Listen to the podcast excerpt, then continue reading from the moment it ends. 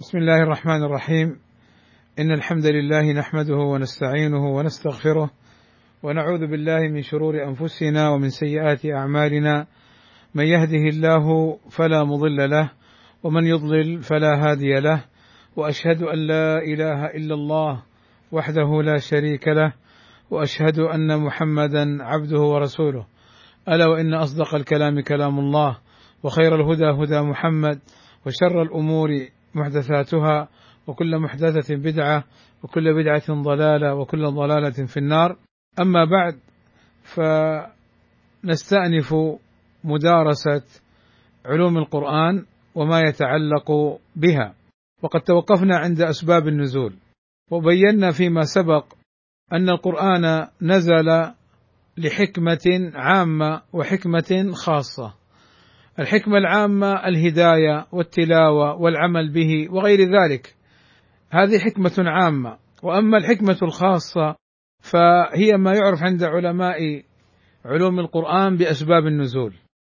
فنزل جوابا لسؤال أو بيانا لحادثة أو لبيان أمر يحتاج إليه حينها. كما سيأتي إن شاء الله تعالى. وقد اعتنى العلماء والصحابة رضوان الله عليهم بالقرآن. كما جاء عن عمر رضي الله عنه في قوله تعالى اليوم أكملت لكم دينكم أتممت عليكم نعمتي ورضيت لكم الإسلام دينا. إنه ذكر متى أنزلت وفيما أنزلت وفي أي يوم نزلت فكانوا يهتمون بهذه الأمور كلها. وهذا كما سبق معنا مرارا وتكرارا يبين لنا مدى عناية الصحابة والسلف الصالح رضوان الله عليهم بالقرآن. وقد اعتنى العلماء والصحابة رضوان الله عليهم بمعرفة أسباب النزول.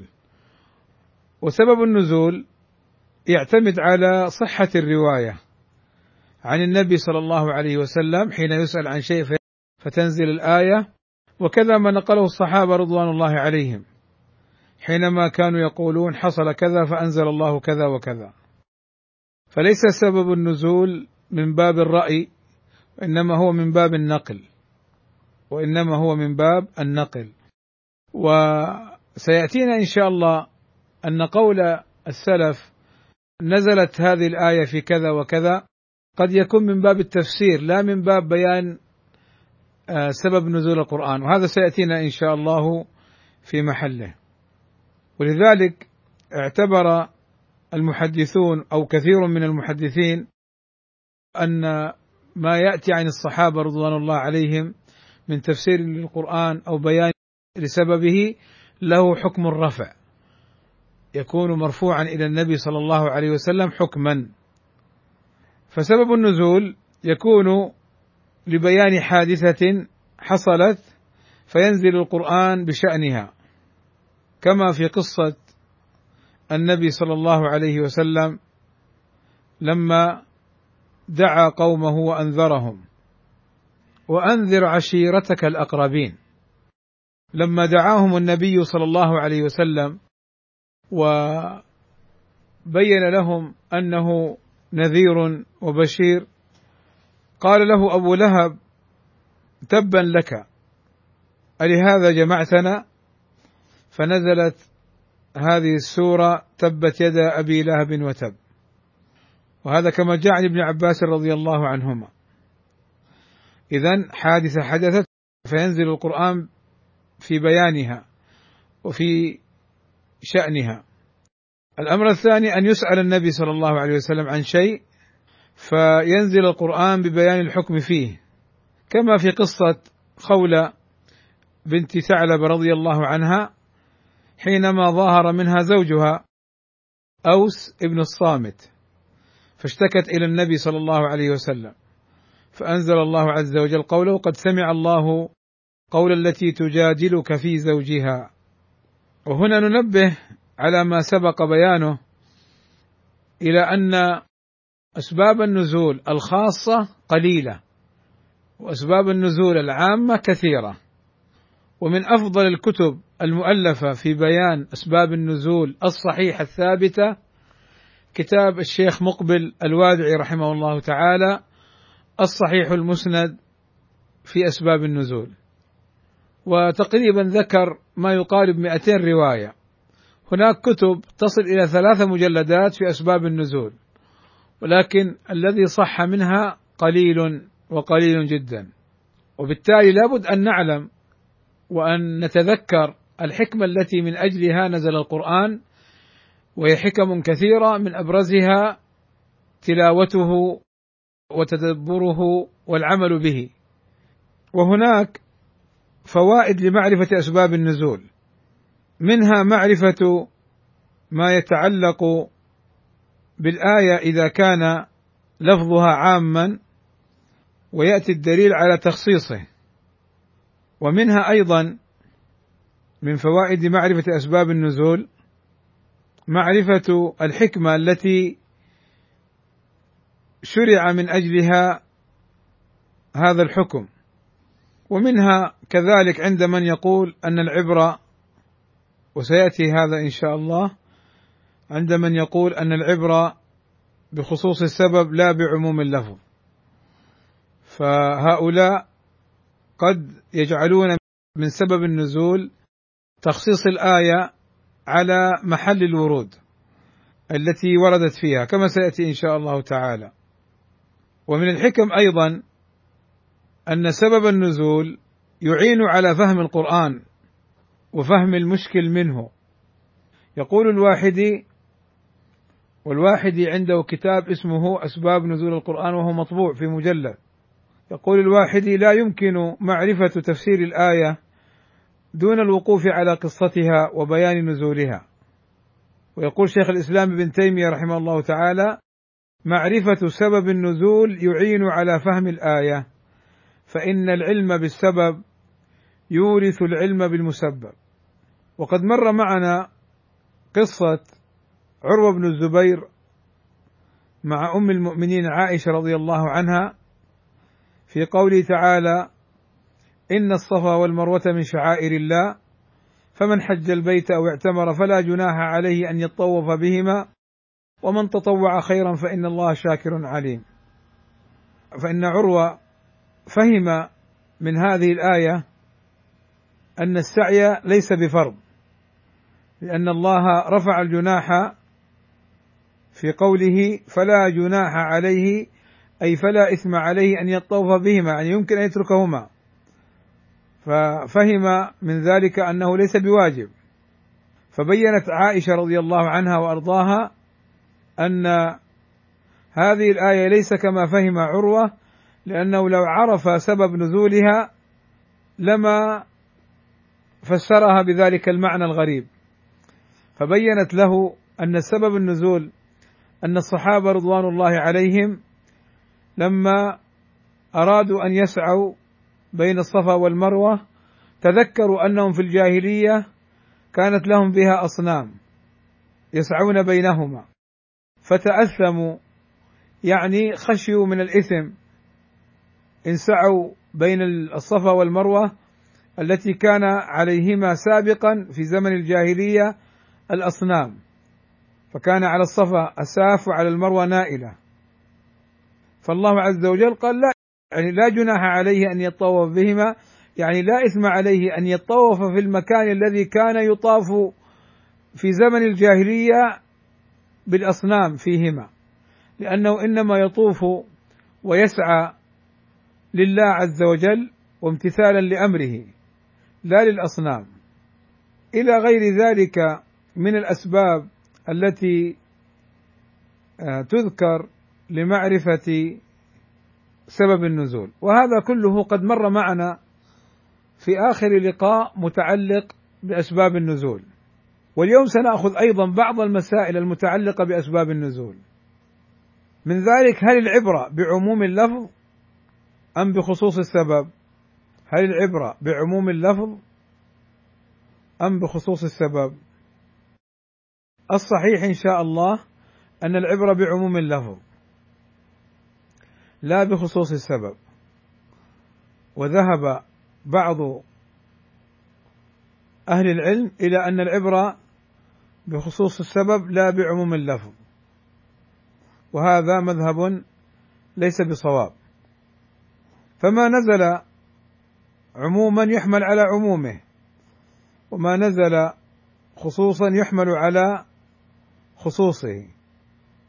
فمثال العموم قوله تعالى ويسألونك عن المحيض قل هو أذى فاعتزلوا النساء في المحيض ولا تقربوهن حتى يطهر فإذا تطهرن فأتوهن من حيث أمركم الله إن الله يحب التوابين ويحب المتطهرين. جاء عن أنس رضي الله عنه أن اليهود كانوا إذا حاضت المرأة منهم أخرجوها من البيت ولم يآكلوها ولم يشاربوها ولم يجامعوها في البيوت فسئل رسول الله صلى الله عليه وسلم عن ذلك فأنزل الله ويسألونك عن المحيض. فقال رسول الله صلى الله عليه وسلم جامعوهن في البيوت واصنعوا كل شيء إلا النكاح. فهذا عام يحمل على عمومه. وهذا هذه الآية مع هذا الحديث يفيد في مسألة يعني جانبية عن علوم القرآن وإن كانت متعلقة به ما يشعر المرأة أن هؤلاء الذين يدعون بحرية المرأة وأن المرأة مظلومة من اليهود ومن ومن كان معهم ومن غيرهم هم الذين كانوا يهينون المرأة وهم الذين كانوا يجعلون المرأة يعني ليست أصلا من جنس الإنسان مخلوق للشر. هكذا يعتبرون المرأة. فجاء الإسلام فعزز المرأة وكرمها وأعطاها حقوقها. ثم للأسف يأتي بعض نساء المسلمين ويجرين خلف هؤلاء الذين يدعون إلى أن المرأة مظلومة وأنها في الإسلام لا تأخذ حقوقها وأنها وأنها وهي تجري خلف من يذبحها وخلف من يهينها. وخلف من يريد بها السوء. فعلى المرأة أن تعلم أنها بدينها الإسلامي بتمسكها بدينها الإسلامي تكون عزيزة وأنها بعدم تمسكها بدينها الإسلامي تكون ذليلة. وأما الخاص الذي يراد به الخصوص فقوله تعالى وسيجنبها الأتقى الذي يؤتي ماله يتزكى وما لاحد عنده من نعمه تجزى الا ابتغاء وجه ربه الاعلى ولسوف يرضى فان هذه الايه أو هذه الايات المراد بها أبو بكر رضي الله عنه بالإجماع وأنها نزلت فيه وأنها مختصة به فإذا ما ورد في محل العموم يبقى على عمومه وما ورد على الخصوص يبقى على خصوصه. طيب إذا كان السبب خاصا ونزلت الآية عامة هنا تأتي المسألة هل العبرة بعموم اللفظ أم بخصوص السبب؟ فذهب جمهور أهل العلم إلى أن العبرة بعموم اللفظ لأن القرآن نزل تشريعا عاما ونزل متضمنا لأحكام تجري مجراها ويدخل فيها ما كان في معناها فلذلك كانت العبرة بعموم اللفظ لا بخصوص السبب. فمثاله لما نزلت آيات اللعان لما قذف هلال ابن أمية زوجته ونزلت الآيات والذين يرمون أزواجهم فهنا قصة هلال خاصة والحكم عام. فليس الحكم مختص بهلال ابن أمية وزوجته وإنما الحكم عام في كل من قذف زوجته بالزنا. نسأل الله السلامه والعافية. وأيضا العبرة بعموم اللفظ لا بخصوص السبب يدخل فيها مثلا ما جاء في الظهار لما أوس بن الصامت ظاهر من زوجته خولة رضي الله عنهم قال أنت علي كظهر أمي. هذا بخصوص الظهار هذا. وسمي ظهارا من الظهر لأنه شبه زوجته بأمه في المحرمية وفي الحرمة وأنه لا يقربها. لو قال أنت علي كظهر بنتي أو كظهر أختي يدخل في الحكم نفسه. لو قال أنت علي كيدي أمي ويدي أختي يدخل في الحكم نفسه. لأنه كلها بمعنى الظهار. يقول شيخ الإسلام ابن تيمية قد يجيء هذا كثيرا ومن هذا الباب قولهم هذه الآية نزلت في كذا لا سيما إن كان المذكور شخصا كقولهم إن آية الظهار نزلت في امرأة أوس بن الصامت وإن آية الكلالة نزلت في جابر بن عبد الله وأن قوله وأن يحكم بينهم نزلت في بني قريظة والنظير. قال والنظائر يعني أمثال وأشباه ذلك مما يذكرون أنه نزل في قوم من المشركين بمكة أو في قوم من اليهود والنصارى أو في قوم من المؤمنين فالذين قالوا ذلك لم يقصدوا أن حكم الآية يختص بأولئك الأعيان دون غيرهم هذا لا يقوله مسلم ولا عاقل على الإطلاق. والناس وإن تنازعوا في اللفظ العام الوارد على سبب هل يختص بسببه؟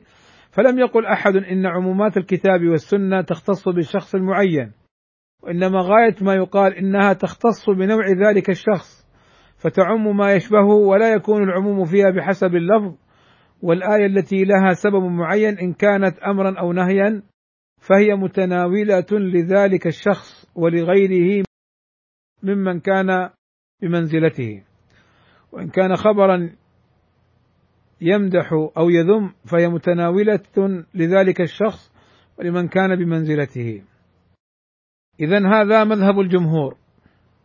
وذهب بعض أهل العلم إلى أن العبرة بخصوص السبب لا بعموم اللفظ.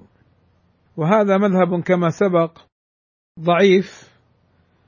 والمذهب الأول أن العبرة بعموم اللفظ لا بخصوص السبب أقوى. طيب ننتقل لمسألة أخرى. ما هي صيغة أسباب النزول؟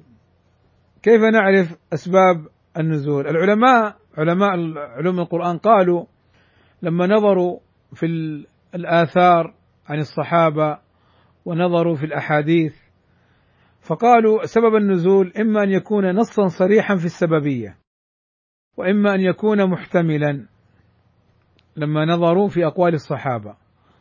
فقالوا سبب النزول إما أن يكون نصا صريحا في السببية كأن يقول الراوي سبب نزول هذه الآية كذا وهذه صيغة سبب نزول صريحة. أن يقول الراوي من الصحابة سبب نزول هذه الآية كذا. هنا صرح بأن سبب النزول لهذه الآية كذا وكذا. وكذلك من الصيغ الصريحة أن يأتي بالفاء.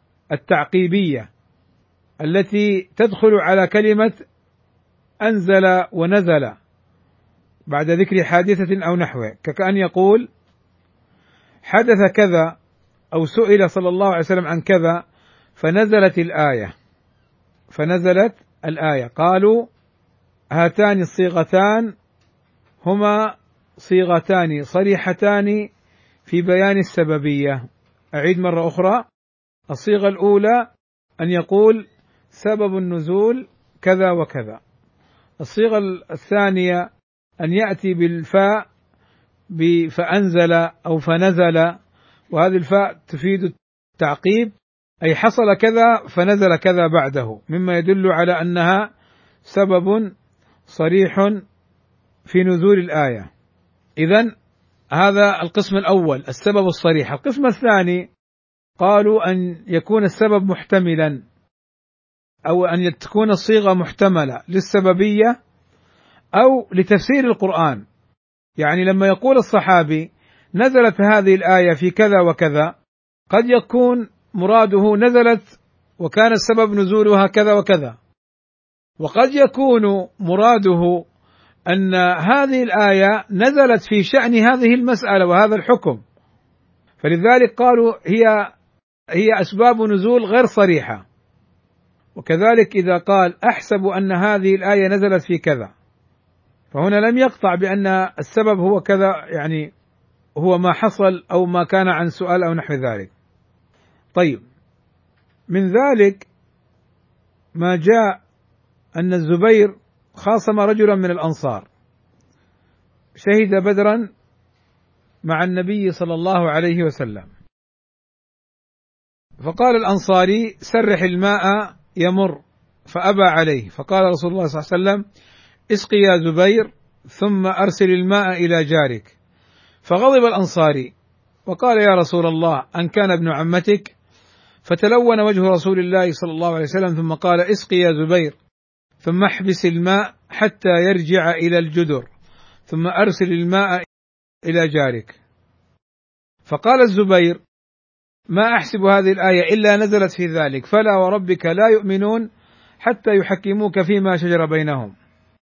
فهذا يدل على أن سبب النزول هنا محتمل للسببية ومحتمل لبيان الحكم وأن مثل هذه الأقوال ومثل هذه الأفعال ومثل هذه المواقف تدخل في الآية. قال ابن تيمية رحمه الله تعالى قولهم نزلت هذه الآية في كذا يراد به تارة سبب النزول ويراد به تارة أن ذلك داخل في الآية وإن لم يكن السبب. وقد تنازع العلماء في قول الصحابي نزلت هذه الآية في كذا هل يجري مجرى المسند؟ يعني هذا كما سبق معنا أن أكثر المحدثين يدخلونه في المرفوع حكما. طيب تبقى معنا مسألة أو بعض المسائل منها تعدد الروايات في سبب النزول. تعدد الروايات في سبب النزول وهذا ما سنقف عليه إن شاء الله تعالى. آه، في اللقاء القادم نستكمل ما يتعلق بأسباب النزول. فلا أريد أن أكثر وأطيل عليكم ما يتعلق بعلوم القرآن نأخذها شيئا فشيئا. وبهذا القدر كفاية. والحمد لله رب العالمين.